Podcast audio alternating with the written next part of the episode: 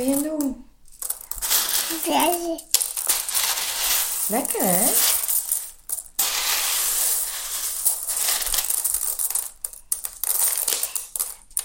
Uh-oh.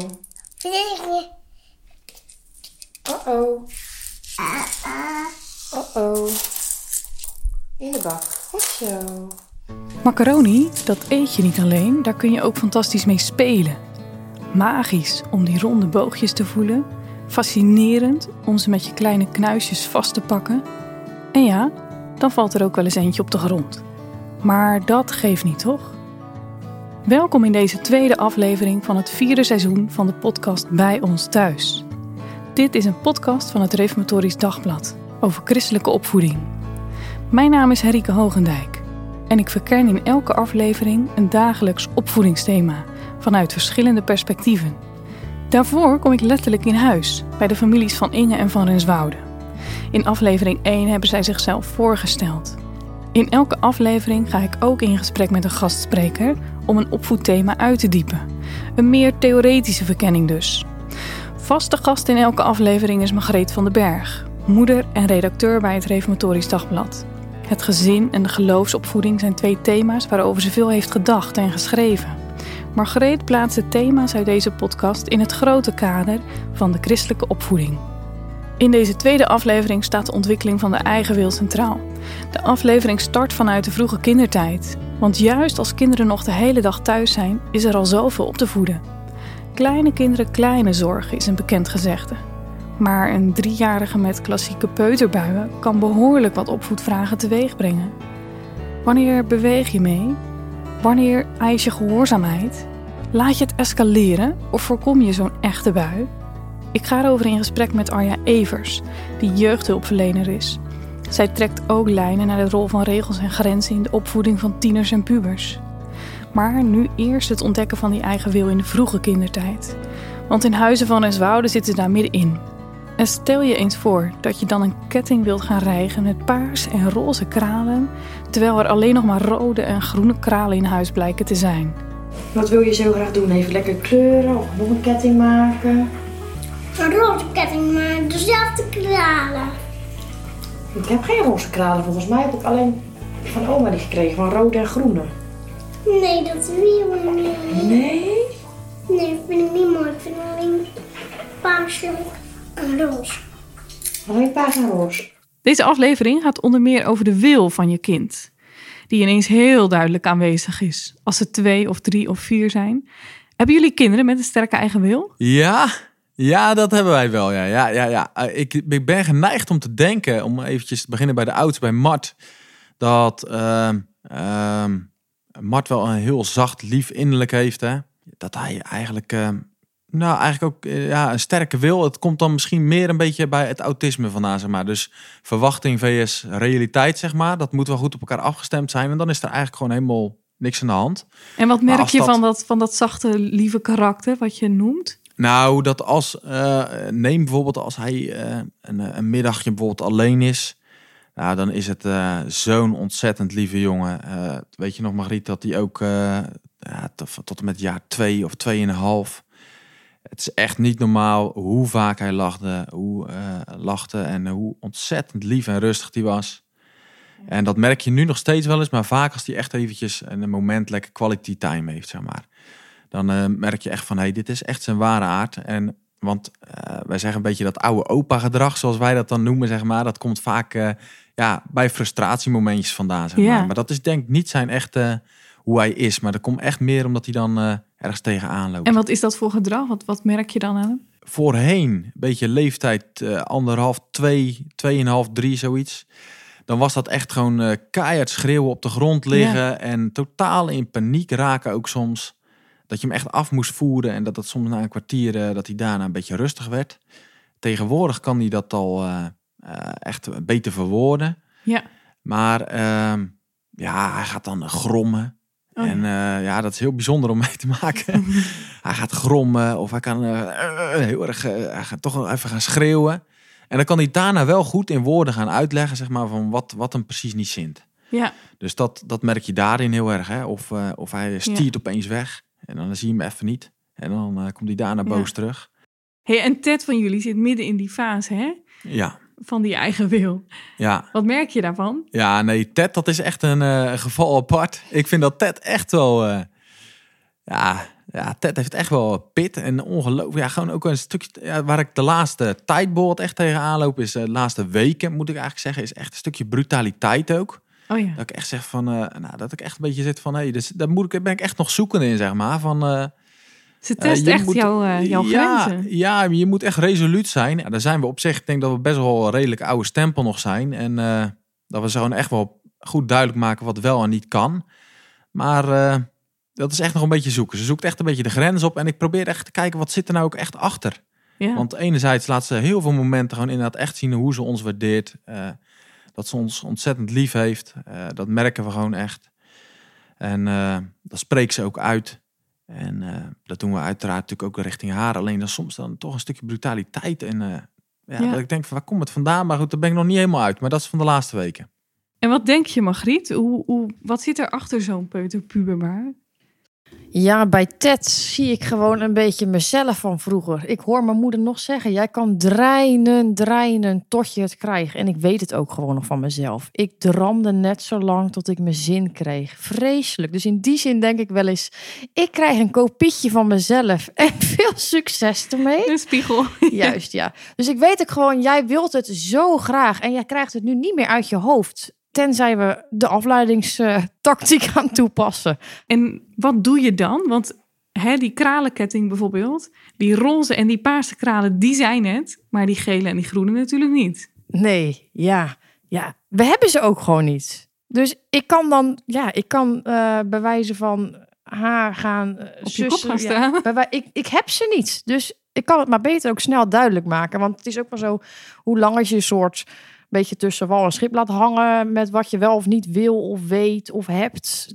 Daar verkoop je natuurlijk ook verder niks mee. Duidelijkheid is natuurlijk ook wel heel belangrijk. Dus in die zin, ja, ik heb ze niet. Ik kan er niet meer van maken ook. En anders geen kralen. Daar ben ik dan eigenlijk wel even eh, benieuwd naar, Margriet. Want hoe deed jouw moeder dat eh, eh, dan vroeger bij jou? Volgens mij deed mijn moeder zelf vroeger ook wel drammen. Ze, ze ging altijd, ik weet altijd dat zij mij begreep. En het was altijd fijn om te merken dat zij begreep van jij wilt het zo graag. Zo graag. Dus en die erkenning hielp misschien al. ja, dus ik, ik probeer dat nu ook een beetje naar haar toe eh, ja, door te laten schemeren. Ik snap hoe graag je het wil. Maar... Roze kralen zijn ook zo mooi. Precies, Ja. daarom. Gaan we zo even lekker naar bed. Nee, dat wil niet.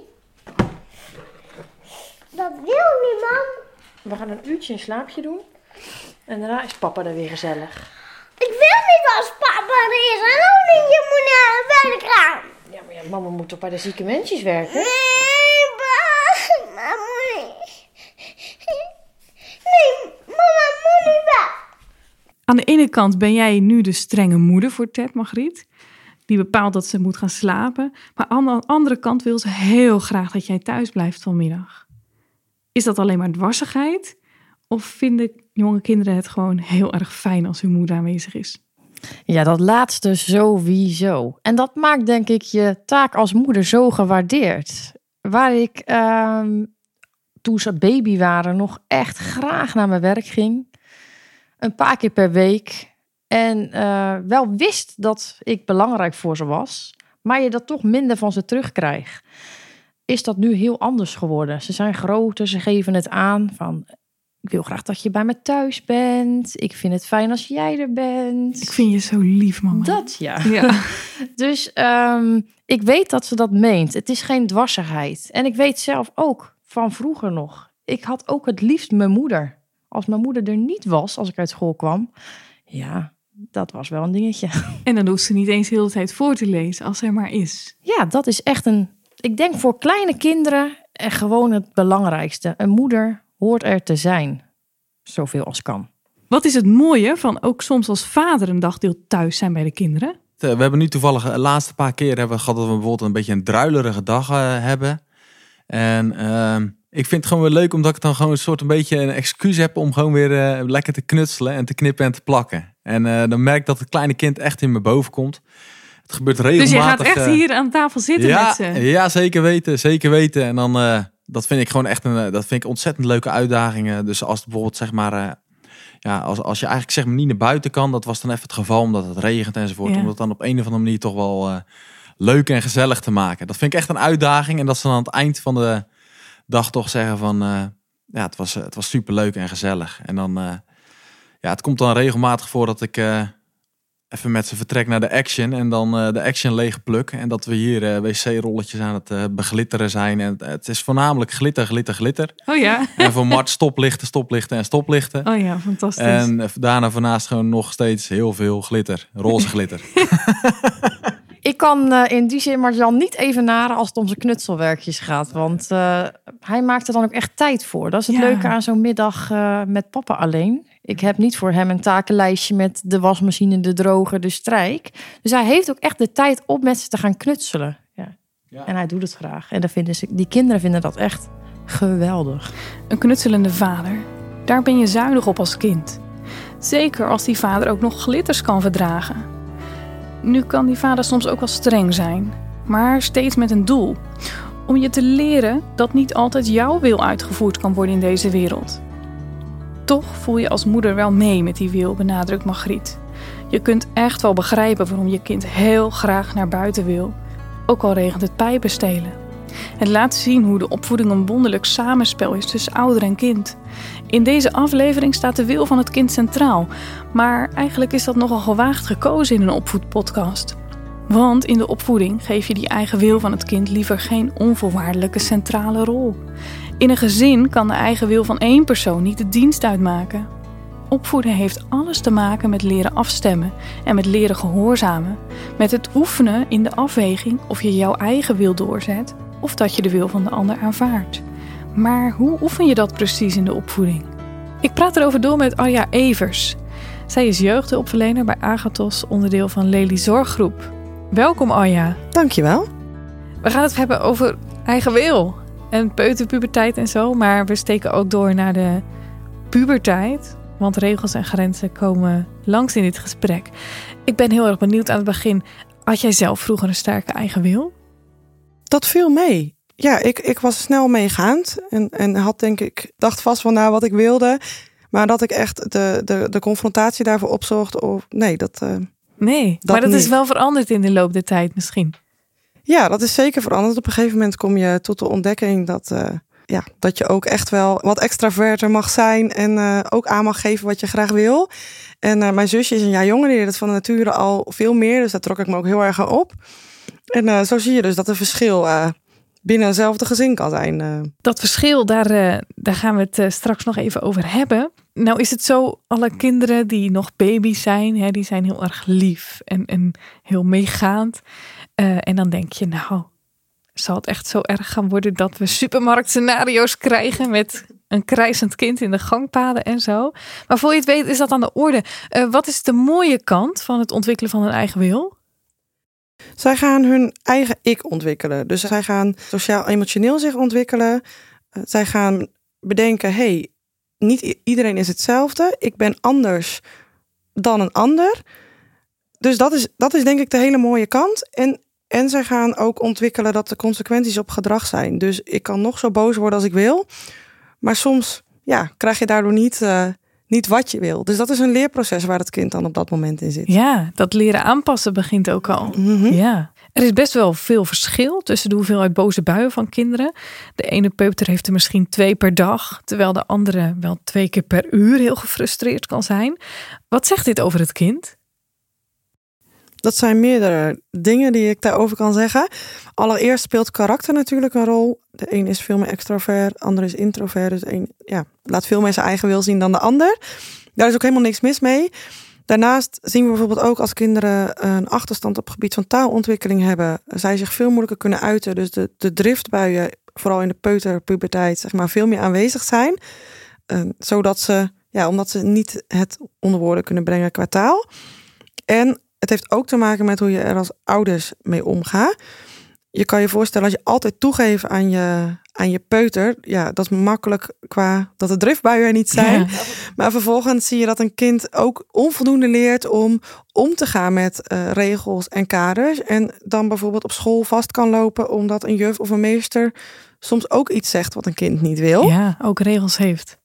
ja, ook regels heeft. En de andere kant is als je als ouders ehm, het zo erg inperkt, dan krijgt het kind ook niet de ruimte om zich eh, te ontwikkelen. Want in die driftbuien leren ze wel heel vaak wat gewenst gedrag en niet gewenst gedrag is. Ja, dus die middenweg zoeken als ouders en die driftbuien ook laten bestaan soms. Ja, nu noemde jij net al even ehm, veel boze buien ontstaan omdat kinderen zich niet goed kunnen uiten. Ehm, soms ook omdat ze iets heel onrealistisch willen. Hè? Ze willen echt zelf hun schoenen aandoen terwijl ze dat niet kunnen. Of echt zelf het winkelwagentje duwen terwijl die veel te groot is. Eh, hoe kun je daar als opvoeder het best op reageren? Sta stil bij de emotie, dus benoem wat je ziet, is belangrijk. En daarnaast geef echt de kaders en regels aan van hoe jij het wil zien. Dus zeg op een gegeven moment ook gewoon: het is klaar, we stoppen hiermee. Kind, een kind kan dat zelf niet eh, bedenken. En juist als ze die veiligheid hebben, kunnen ze zich ontwikkelen. Nu beleiden wij allemaal dat onze kinderen in zonde ontvangen en geboren zijn. En in lijn daarmee ehm, lees ik wel eens dat iemand zegt: Het is belangrijk om in de opvoeding je gezag te laten gelden en de wil van het kind al vroeg te breken. Is dat, denk jij, een juiste benadering in de opvoeding van, het wil, van de wil van het kind? Ik denk dat we heel helder moeten zijn over dat dat citaat gaat om de geestelijke wil van het kind. Ja, die wij als volwassenen ook hebben. Eh, in de opvoeding gaat het heel erg over de interne wil van het kind. Dus de ontwikkeling van op sociaal-emotioneel eh, gebied. En daarvan is het juist niet belangrijk om hem niet te breken, maar te stimuleren dat het kind die gaat ontwikkelen. ja. helder. Hey, de wil niet breken is dan niet de juiste insteek, zeg jij. Ehm, maar die regels en grenzen zijn wel heel erg helpend. Ehm, maar hoe zit dat precies? Want een regel klinkt toch als een beperking. Wat is dan het profijt ervan voor een kind of een jongere? Zoals ik net al zei, is dat veiligheid en structuur. Kinderen weten wat er van hun verwacht wordt. Leg eens uit die veiligheid. Hoe kan een regel zorgen voor, voor veiligheid voor een kind? Nou, als zij weten dat ze eh, in de achtertuin moeten blijven spelen, dan geeft dat veiligheid, omdat ze eh, niet hoeven te bedenken: oh, maar mag ik hier wel zijn? Mag ik hier niet zijn van papa of mama? En zij, je denkt als ouder dan ook na: ja, eh, als een kind drie is of vier, stuur ik hem niet de straat op, want die kan echt niet bedenken of het onveilig is. Maar in die tuin hebben zij dan nog wel heel veel mogelijkheden over wat ze gaan doen. Ja, dus je, je bakent eigenlijk die ontwikkelruimte mooi in. Passend Ja. bij de leeftijd van het kind. Ja, dat is een hele belangrijke. En daarnaast zien we ook dat ze door regels heel erg leren wat gewenst gedrag is. Ze ontwikkelen sociale vaardigheden en leren normen en waarden aan. Wat mooi dat dat via regels gebeurt. Ik wil je graag daarover een stelling voorleggen. Ehm, hoe meer regels in huis, hoe beter de opvoeding. Wat vind je daarvan? Regels zijn belangrijk. Daar ben ik het eh, van harte mee eens. Maar het is een- niet per definitie zo hoe meer regels, hoe beter de opvoeding. Er zijn een aantal andere eh, dingen nog die meespelen. Vooral eh, ben je als ouder aanwezig. Je kan je voorstellen dat je heel veel regels hebt, maar eh, je bent weinig beschikbaar voor je kind. Ehm, dat het dan ook niet fijn is voor je kind. Dus wees vooral aanwezig. En, eh, En wat bedoel je met, met aanwezig zijn? Nou, het fysiek aanwezig zijn. Ja. Dat is een belangrijke. Maar ook heb interesse in het leven van je kind. Dus eh, wees liefdevol ja. naar je kinderen. Liefde en regels. Ehm, maar als je wilt, kun je als opvoeder wel twintig keer per dag een moment hebben waarop je denkt, oeh, eigenlijk is er ingrijpen nodig. Ehm, hoe kun je als opvoeder een goede afweging maken of je wel of niet erop ingaat? Dat is afhankelijk van verschillende factoren. Dus eh, hoe, hoe onveilig is de situatie voor je kind? Ehm, eh, wat ja, brengt hij ook anderen in gevaar? Als we bijvoorbeeld het voorbeeld bij pubers hebben. Ehm, stel je, je, je puber drinkt te veel en hij ruimt zijn kamer niet op. Ik denk dat dan, dan nou, iedere ouder wel de afweging kan maken wat eh, vervelender is en wat niet. En zo zijn er nog veel meer situaties te noemen. En daarbij kan je zelf bedenken, hey, dan ga ik eerst actief inzetten op het overmatig alcoholgebruik. Ja, en die kamer die laat je maar even rommelig zijn. Ja, je mag best wel zeggen hoe je het wel wil zien. Hè? Want wij zijn, dat is heel belangrijk om als ouders te zeggen hoe wil je het wel zien. Ja. Maar ga er niet ehm, te veel eh, op in, want dat zorgt alleen maar voor nog meer eh, escalaties in huis. Ja, daar heb ik nog een laatste vraag over voor jou. Die escalaties, hè? Hoe kun je nou voorkomen dat het tot een escalatie tussen jou en je kind komt? Wees duidelijk over eh, wat je van je kind verwacht. Geef, bied structuur, duidelijke afspraken. Bijvoorbeeld rondom het avondeten, bijvoorbeeld 's avonds. Bespreek wie de tafel dekt, eh, wie de vaatwasser inruimt. En het liefst is het mooi om het in een systeem te zetten. Hè? Dus dat de kinderen al weten, s ochtends bij wijze van spreken... hey, ik, ik ben vanavond aan de beurt. Het is nu maandag, dus Ik ben aan de beurt. Ik denk dat de meeste ouders dat herkennen. Dat zorgt er heel vaak voor dat het gewoon normaal is. Dus, dus dat, er, eh, dat het gewoon erbij hoort. En als je in een escalatie zit, zou ik, want dat voorkom je niet altijd met, eh, met alle regels die we kunnen bedenken of eh, structuur. Dan zou ik willen zeggen: geef aan dat je het er niet mee eens bent, maar kom er later op terug. IJsjes smeden als het koud is, zeggen wij altijd. in plaats van heet, ja? Ja, want als je het in de escalatie doet, dan heb je de emotie van je puber. Als ouders vind ik het altijd heel knap als ze heel geduldig kunnen blijven, maar je hebt ook je eigen emotie. Ja. Eh, Dus dan kan het heel goed zijn door te zeggen van hé, hey, we komen er later op terug en bespreek dan hoe je het wel wil. Mooi. Mooie tip om mee af te sluiten. Dankjewel Arja voor wat je met ons deelde. Graag gedaan. IJzer smeden als het koud is. Zeker als je met tieners en pubers in huis leeft, tipt Arja Evers. Samen met Margreet van den Berg denk ik erover door. Margreet benadrukt, net als Arja en net als de familie van Renswoude, hoe belangrijk het is dat een kind zich gehoord voelt. Soms kan dat zomaar het verschil maken. Soms natuurlijk.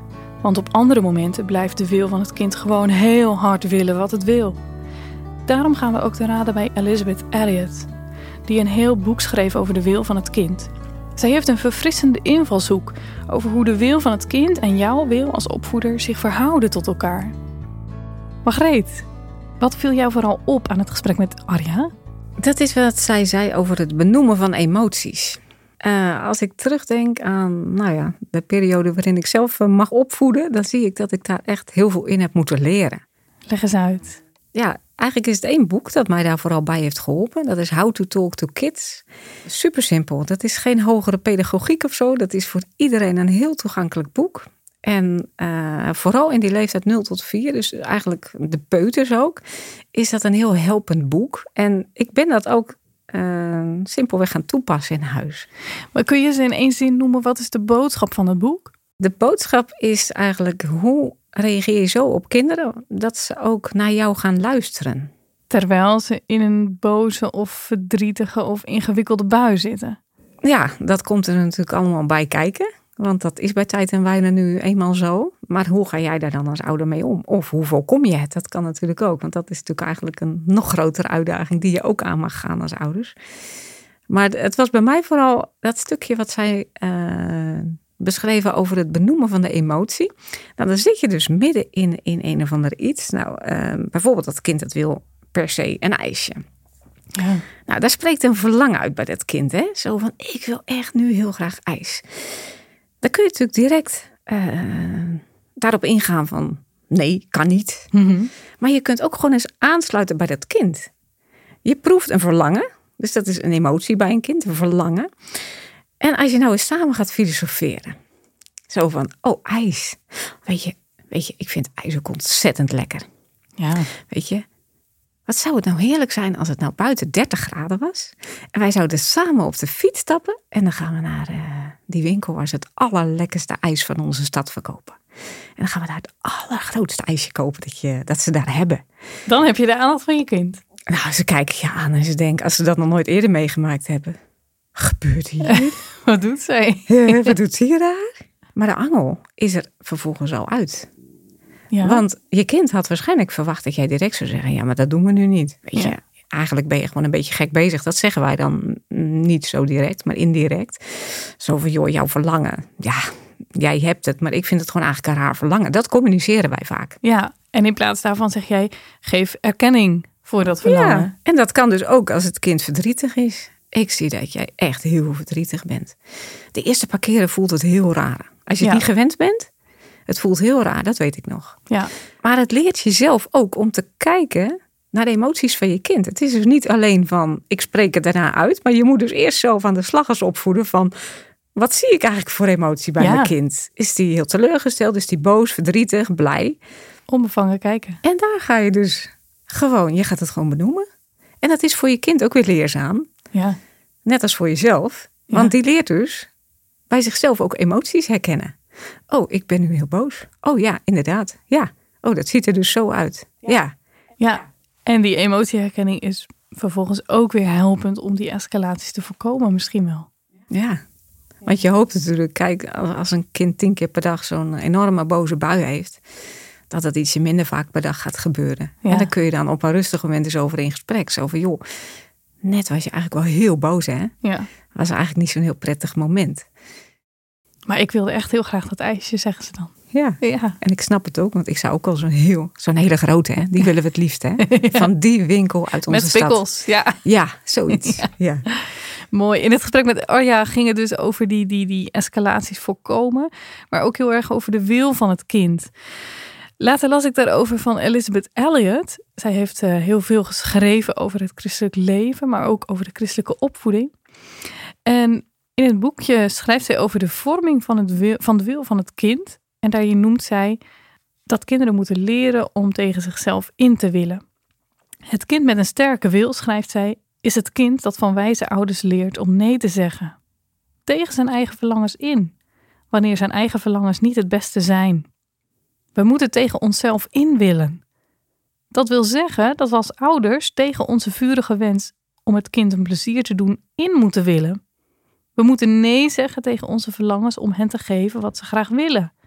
En we moeten onthouden dat het niet geven even belangrijk is als het geven. Kun je dat eens uitleggen met een heel praktisch voorbeeld, Margreet, wat Elizabeth Elliot hier schrijft? ja, het doet me denken aan het eh, afleren van duimen. Oh ja. Of een spenen. Ik bedoel, dat zijn van die dingen waar kinderen helemaal aan verknocht kunnen zijn. En ja, op een gegeven moment denk je, het is niet goed als ze hier altijd mee doorgaan. Ik bedoel, als je kind altijd met een speen laat lopen, dan leert het natuurlijk gewoon niet goed praten.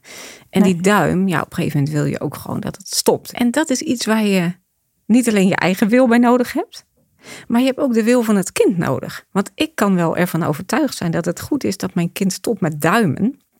Maar dat mijn kind daar zelf niet van overtuigd is, dan gaat dat niet lukken. Want hoe doe ik dat? Ik kan die duim niet afpakken. Ik kan hem afplakken, maar ik kan hem niet afpakken. Nee. Dus, dus je kunt ook inderdaad van alles doen. Hè? Dan doe je wat vies spul of zo op een duim. Of je doet er weet ik wat allemaal op. Maar daarmee Eh. verandert die wil van het kind niet. Nee. Nee. Nee, dus je moet inzetten op dat kind moet willen wat jij wilt eigenlijk. Ja. Als jij ervan overtuigd bent dat het slecht is voor je kind om te duimen, dus dat je kind moet stoppen, dan moet je dus met je kind in gesprek. Waarom is het eigenlijk slecht om te duimen? Nou, soms kan de tandarts daar hele grote diensten in bewijzen. Als je kind een keer meegaat, dan fluister je hem even in. Of die doet het uit zichzelf al van vertel hem even dat het heel goed is. Dat je, dit een heel goed moment is om te stoppen met duimen. Ja. Dan heb je even een externe factor die je daarbij helpt. En thuis ga je daarna het gesprek aan. Ja, hoorde je wat die tandarts zei? Ja, weet je, ja, het is gewoon niet goed. Hè? Die voortanden gaan naar voren staan. Ja, dat willen we niet. Ik bedoel, het is mooier als ze gewoon recht blijven staan. En is een kind van, van, van drie hè, met zo'n met zo'n fopspeen dan al in staat om tegen zijn eigen verlangen in te willen? Want die fopspeen is natuurlijk wel heel lekker en geeft heel veel vertrouwen en veiligheid. Ja, kijk, bij duimen inderdaad waren de kinderen bij ons iets ouder ja, dan het kind met de fopspeen. Die fopspeen heb ik op jongere leeftijd al afgeleerd. En het begint ook al met afbakening. Ja. Eh, is jouw kind gewend om altijd een fopspeen te mogen? Of beperk je dat tot het moment waarop het kind naar bed gaat en in bed ligt en krijgt hij dan zijn fopspeen? Ja, en dan kun je met kleine stapjes afbouwen als het ware. Ja, Ja. ja of, of heel rigoureus. ja. Er zijn mensen die dat ding dan doorknippen of, of iets. En soms heb je natuurlijk gewoon dat die speen kwijt is of zo. Hè? Ja, Dat zijn ja. hele mooie momenten om eens te kijken van... kunnen wij dit handelen met z'n allen? Hoe- Precies. Hoe, hoe, paniek, hoeveel paniek is er in de tent Ja. als die speen er niet is? Ja. Kunnen wij ook zonder speen leven? Is er ook misschien een knuffel die dat kan verzachten, Ja. s'avonds? Ja. Ja. ja. Ja. Hey, eigenlijk zeg jij hiermee, eh, die allereerste periode van aan het begin van het leven van een kind is al heel bepalend voor de vorming van de wil van het kind. Wat, wat, wat gebeurt er allemaal in die jonge periode van het leven van een kind? Ja, die periode van 0 tot 4 ook, daar zit zo ontzettend veel in al. Ehm, het is ongelooflijk wat een kind dan leert. En dat is de meest onderschatte periode, denk ik, in, bij mensen. Wij denken allemaal, ja, bij vier begint het. En dan ga je echt leren. Je gaat echt naar school. En dan begint de echte opvoeding. Dan hoor je begint wel het eens, hè? allemaal. Maar dan denk ik, het grootste gedeelte, het belangrijkste gedeelte is dan geweest. De hechting is als het goed is goed verlopen. En de vorming van de wil van het kind, daar is al een heel groot deel van gebeurd. Ja. In 0 tot 4. Want je hebt die peuterpuberteit, heb je achter de rug dan. En ondertussen, een kind van vier weet, als het goed is, wie die is. Die heeft een ik ontwikkeld, Ja. als het goed is. Hoe is dat verlopen? Even terug, hè? jij noemde al van in die allereerste periode, dan gebeurt die hechting. Eh, hoe kun je daar als opvoeder aan bouwen? Ja, door veiligheid te bieden, door er te zijn voor je kind. Kijk, dat begint natuurlijk al bij een jonge baby. Eh, Die veiligheid van de baarmoeder is er niet meer. Nee. Dus zo'n kindje komt in die grote wereld. Die heeft geborgenheid nodig. Ja. En dan mag jij als opvoeder mag je dat geven. Door heel goed te kijken naar je kind. Wat heeft je kind nodig? Lekker knuffelen natuurlijk veel aan het begin. Hè? Eh, misschien wel borstvoeding. Prachtig, ook een middel daarin. Eh, Reageren op huilen. reageren op je kind. En ja, heel, gewoon heel veel beschikbaar zijn. Heel veel beschikbaar zijn in die eerste paar jaar. Daar krijg je echt geen moment spijt van. Nee. Nee. Het gesprek met Margreet eindigt met het belang van de eerste duizend dagen van een kind. Die belangrijke periode van hechting, van veiligheid en geborgenheid. Om de wereld van daaruit te kunnen ontdekken. Het is een periode om te koesteren, zeggen ook Leendert en Klazina van Inge. Samen boekjes lezen als de grote op school of op het werk zijn. Samen de wereld ontdekken. Want daarvoor vormen de eerste jaren de basis. Heb je het boekje gepakt? Oh, moet mama een boekje lezen voor jou? Mama, deze! Oh, is varkentje in het water gevallen? Oh, zielig. Deze hap! Ja, nou kom bij mama zitten. Gaan we een boekje lezen dan. Mama, Ga je zelf zitten? Minella doet dat boekje voor jou lezen. Bloem, ja.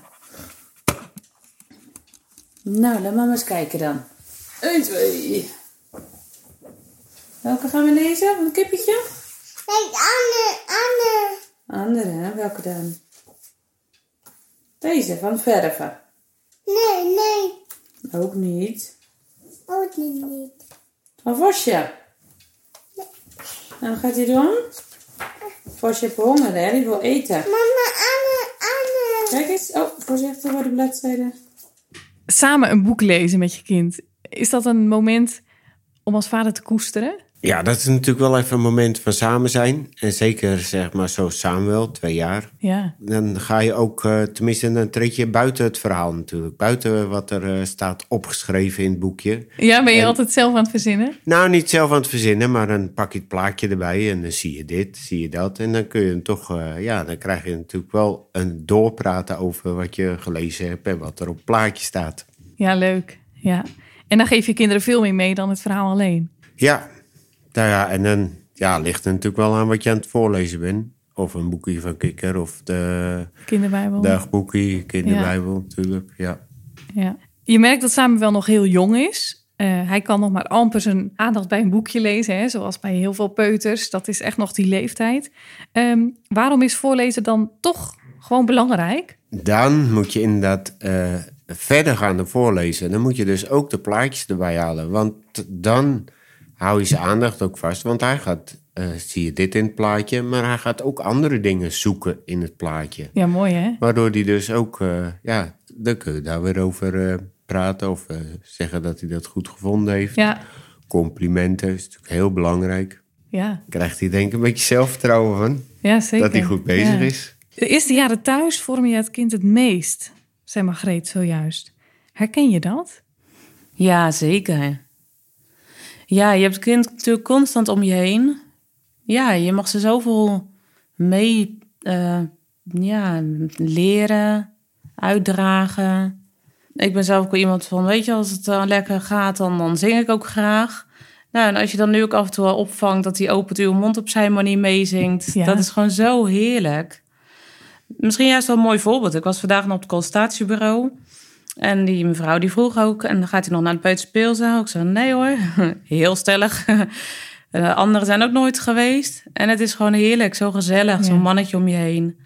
En hij heeft genoeg grote boven zich. En er komt wel eens iemand op visite of op zaterdag dat er neefjes, nichtjes zijn. Dus die ontwikkeling gaat heus wel door bij zo'n kind. Absoluut. Dat, ja. Dan eh, hoeft hij echt niet naar een peuterspeelzaal. En zoals 's ochtends heb je inderdaad even je, je koffiedrinkmomentje, je fruitmomentje. Je pakt er een boekje bij.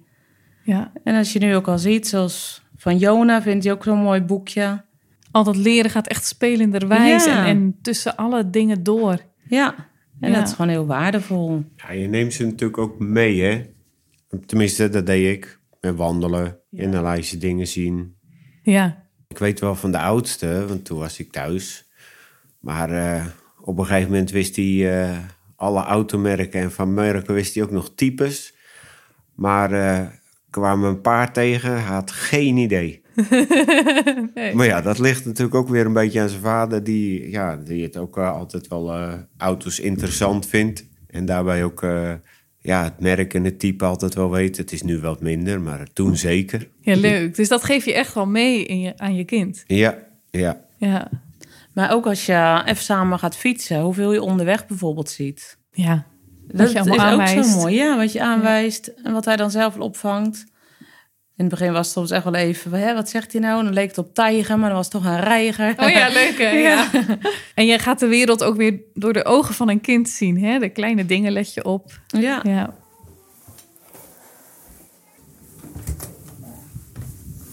Lieve Samuel, wat leg je er gezellig bij? Uit. Uit? Ja, doei. Nee, je moet nog gaan slapen. Jouw benen zitten leuk tussen de spijlen. Wie komt er zo meteen bij jou spelen, weet je het nog? Ge ja, Geet. Spelen. Geet komt straks spelen, hè? Gaat samen lekker slapen. En Geet gaat nog slapen. Nee. Ja. Hey, die lieve kleine Samuel, die wil ook wel eens niet slapen. Hij wilde echt iets heel anders dan jij. Hij vond het echt geen tijd voor een middagslaapje. Hoe komt het dat het dan toch niet uitloopt op een huilbui? Ja, je probeert hem toch daarin mee te nemen van... eh, joh, maar je kroel ligt boven te wachten op je. Of ja, je maakt er een spelletje van. Hè, wie is het eerste boven? Dat je hem zelf de trap op laat lopen. Je, je zei het ook, hè? Van maar je vriendje is nu ook aan het slapen, die komt straks spelen. Ja, inderdaad, dat klopt, ja. Daar was hij mooi mee afgeleid, ja. Is het moeilijk om consequent te zijn in de opvoeding? Om echt bij nee te blijven als je nee hebt gezegd? Ja, zelf vind ik van niet. Ik ben daar gewoon heel stellig in.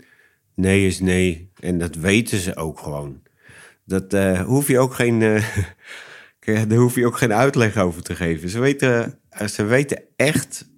Want daarom hoor je natuurlijk altijd: oh ja, voor dat moet ik bij papa zijn en voor dat moet ik bij mama zijn. Maar ja, ze weten gewoon eh haarfijn hoe je over dingen denkt. Dat hoef je kinderen niet wijs te maken. nee, mooi hè? En, en eh, jij, Klazina, in de dagelijkse dingen, hè, dan gaat het ook soms over iets kleins, als mag ik nou een snoepje? Ehm, hoe belangrijk is het om dan altijd, als je aan het begin nee hebt gezegd, maakt het dan uit als je, als je wel eens een keer gewoon toch ja zegt? Ja, ik denk wel dat het uitmaakt. Want dan voelen ze echt wel dat ze een loopje met je kunnen nemen. En ik vind het ook wel belangrijk, zoals wat jij zegt, een snoepje. Ook kijken, hè, welk dagdeel is het? Staat het eten op? We gaan over gewoon een half uurtje eten. Nee, we doen gewoon geen snoepje nu. Nee. Nee, dan ja, ben ik daar ook wel consequent in. Ja.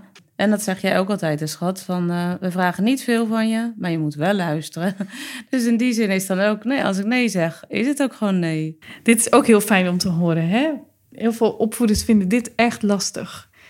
Als je, als je natuurlijk, je wil heel graag ook het mooiste voor je kind of het beste voor je kind. En soms is dat een beetje ingewikkeld. Wat is nou het beste? Want ik snap best dat hij heel graag nu naar buiten wil. Ja, dan kom je een beetje in ehm, dat je een discussie gaat voeren. En mijn mening is, als je een discussie gaat voeren over wel of niet, dan heb je eigenlijk al verloren. Moet je echt niet aan beginnen. En soms is het dan ook, eh, en dat is misschien soms wel eens een beetje hard, maar ja, goed, daar merk je nu in ieder geval niks meer van. Dan moet je ze gewoon negeren in een vraag. Want je hebt je antwoord gegeven. En dat kun je nog een keer zeggen. En dan eh, is het over. Het geeft zoveel duidelijkheid aan kinderen, hè? Ja, en zijn ze een stuk ouder, dan is dat natuurlijk wel weer een ander verhaal. Dan is het natuurlijk ook wel belangrijk dat je uit kan leggen waarom je nee zegt. En dan hoor je ook even het verhaal van hun kant. En denk ik, oh ja, ja, nee, dat is ook wel zo. Kijk, willen ze s'avonds nog even weg? Maar ja, wij hebben ook wel een beetje de regel van door de week is tien uur thuis. Ja, maar morgen heb ik de hele dag vrij. Kijk, het ligt ook wel aan wat ze gaan doen. Maar dan hè, kan je wel even in gesprek erover. Dan is het niet per se nee, nee.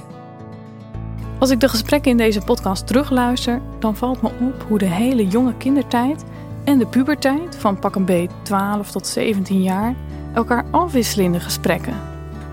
En eigenlijk is dat helemaal niet zo verwonderlijk, want er zijn best wel parallellen te zien in beide periodes van het leven.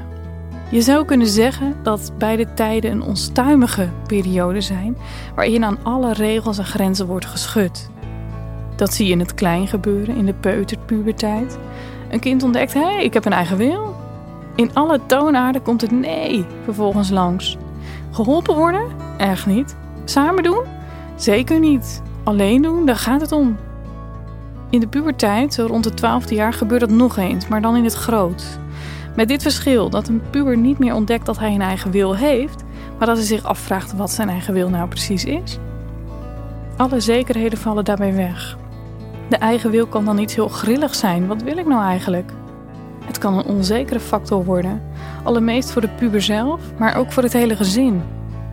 Was de wil van je kind in de peuterpuberteit vooral onrealistisch, maar nog wel te begrenzen? Nu zit de intensiteit vooral daarin dat je kind steeds zelfstandiger aan het worden is. En dan kom je in een spannende fase terecht, waarbij de wil van je kind en jouw opvoederswil opnieuw moeten afstemmen met elkaar. Dat is opvoeding met beide benen op de grond. Natuurlijk is dat geen opvoeding die bestaat uit trucjes met steeds hetzelfde resultaat. Daarvoor is de praktijk te weerbarstig. Te gebroken ook. En juist daarom hebben we het nodig om af en toe eens met een nieuwe blik naar onze eigen opvoeding te kijken. Door even te luisteren naar hoe andere opvoeders dat doen. Door even te horen hoe experts erover spreken. Door terug te keren naar onze Bijbel, waarin de hemelse pedagoog woorden van opvoeding schreef. Dit was de tweede aflevering van de podcast Bij ons thuis. Over de wil van je kind. De opnamen in deze podcast zijn gedaan door Niels Verhoek. Carole Veldhuizen redigeerde de podcast. Heb je vragen naar aanleiding van deze aflevering? Of wil je nieuwe vragen insturen? Dat kan. Gebruik het mailadres in het bericht bij deze podcast. In de volgende aflevering staat de roeping van het moederschap centraal. Dan gaat het over de Bijbelse invulling van je rol als opvoeder. Over hoe bijzonder Gods zorg voor gezinnen is en hoe vaders hierin een cruciale plaats hebben. Graag tot dan.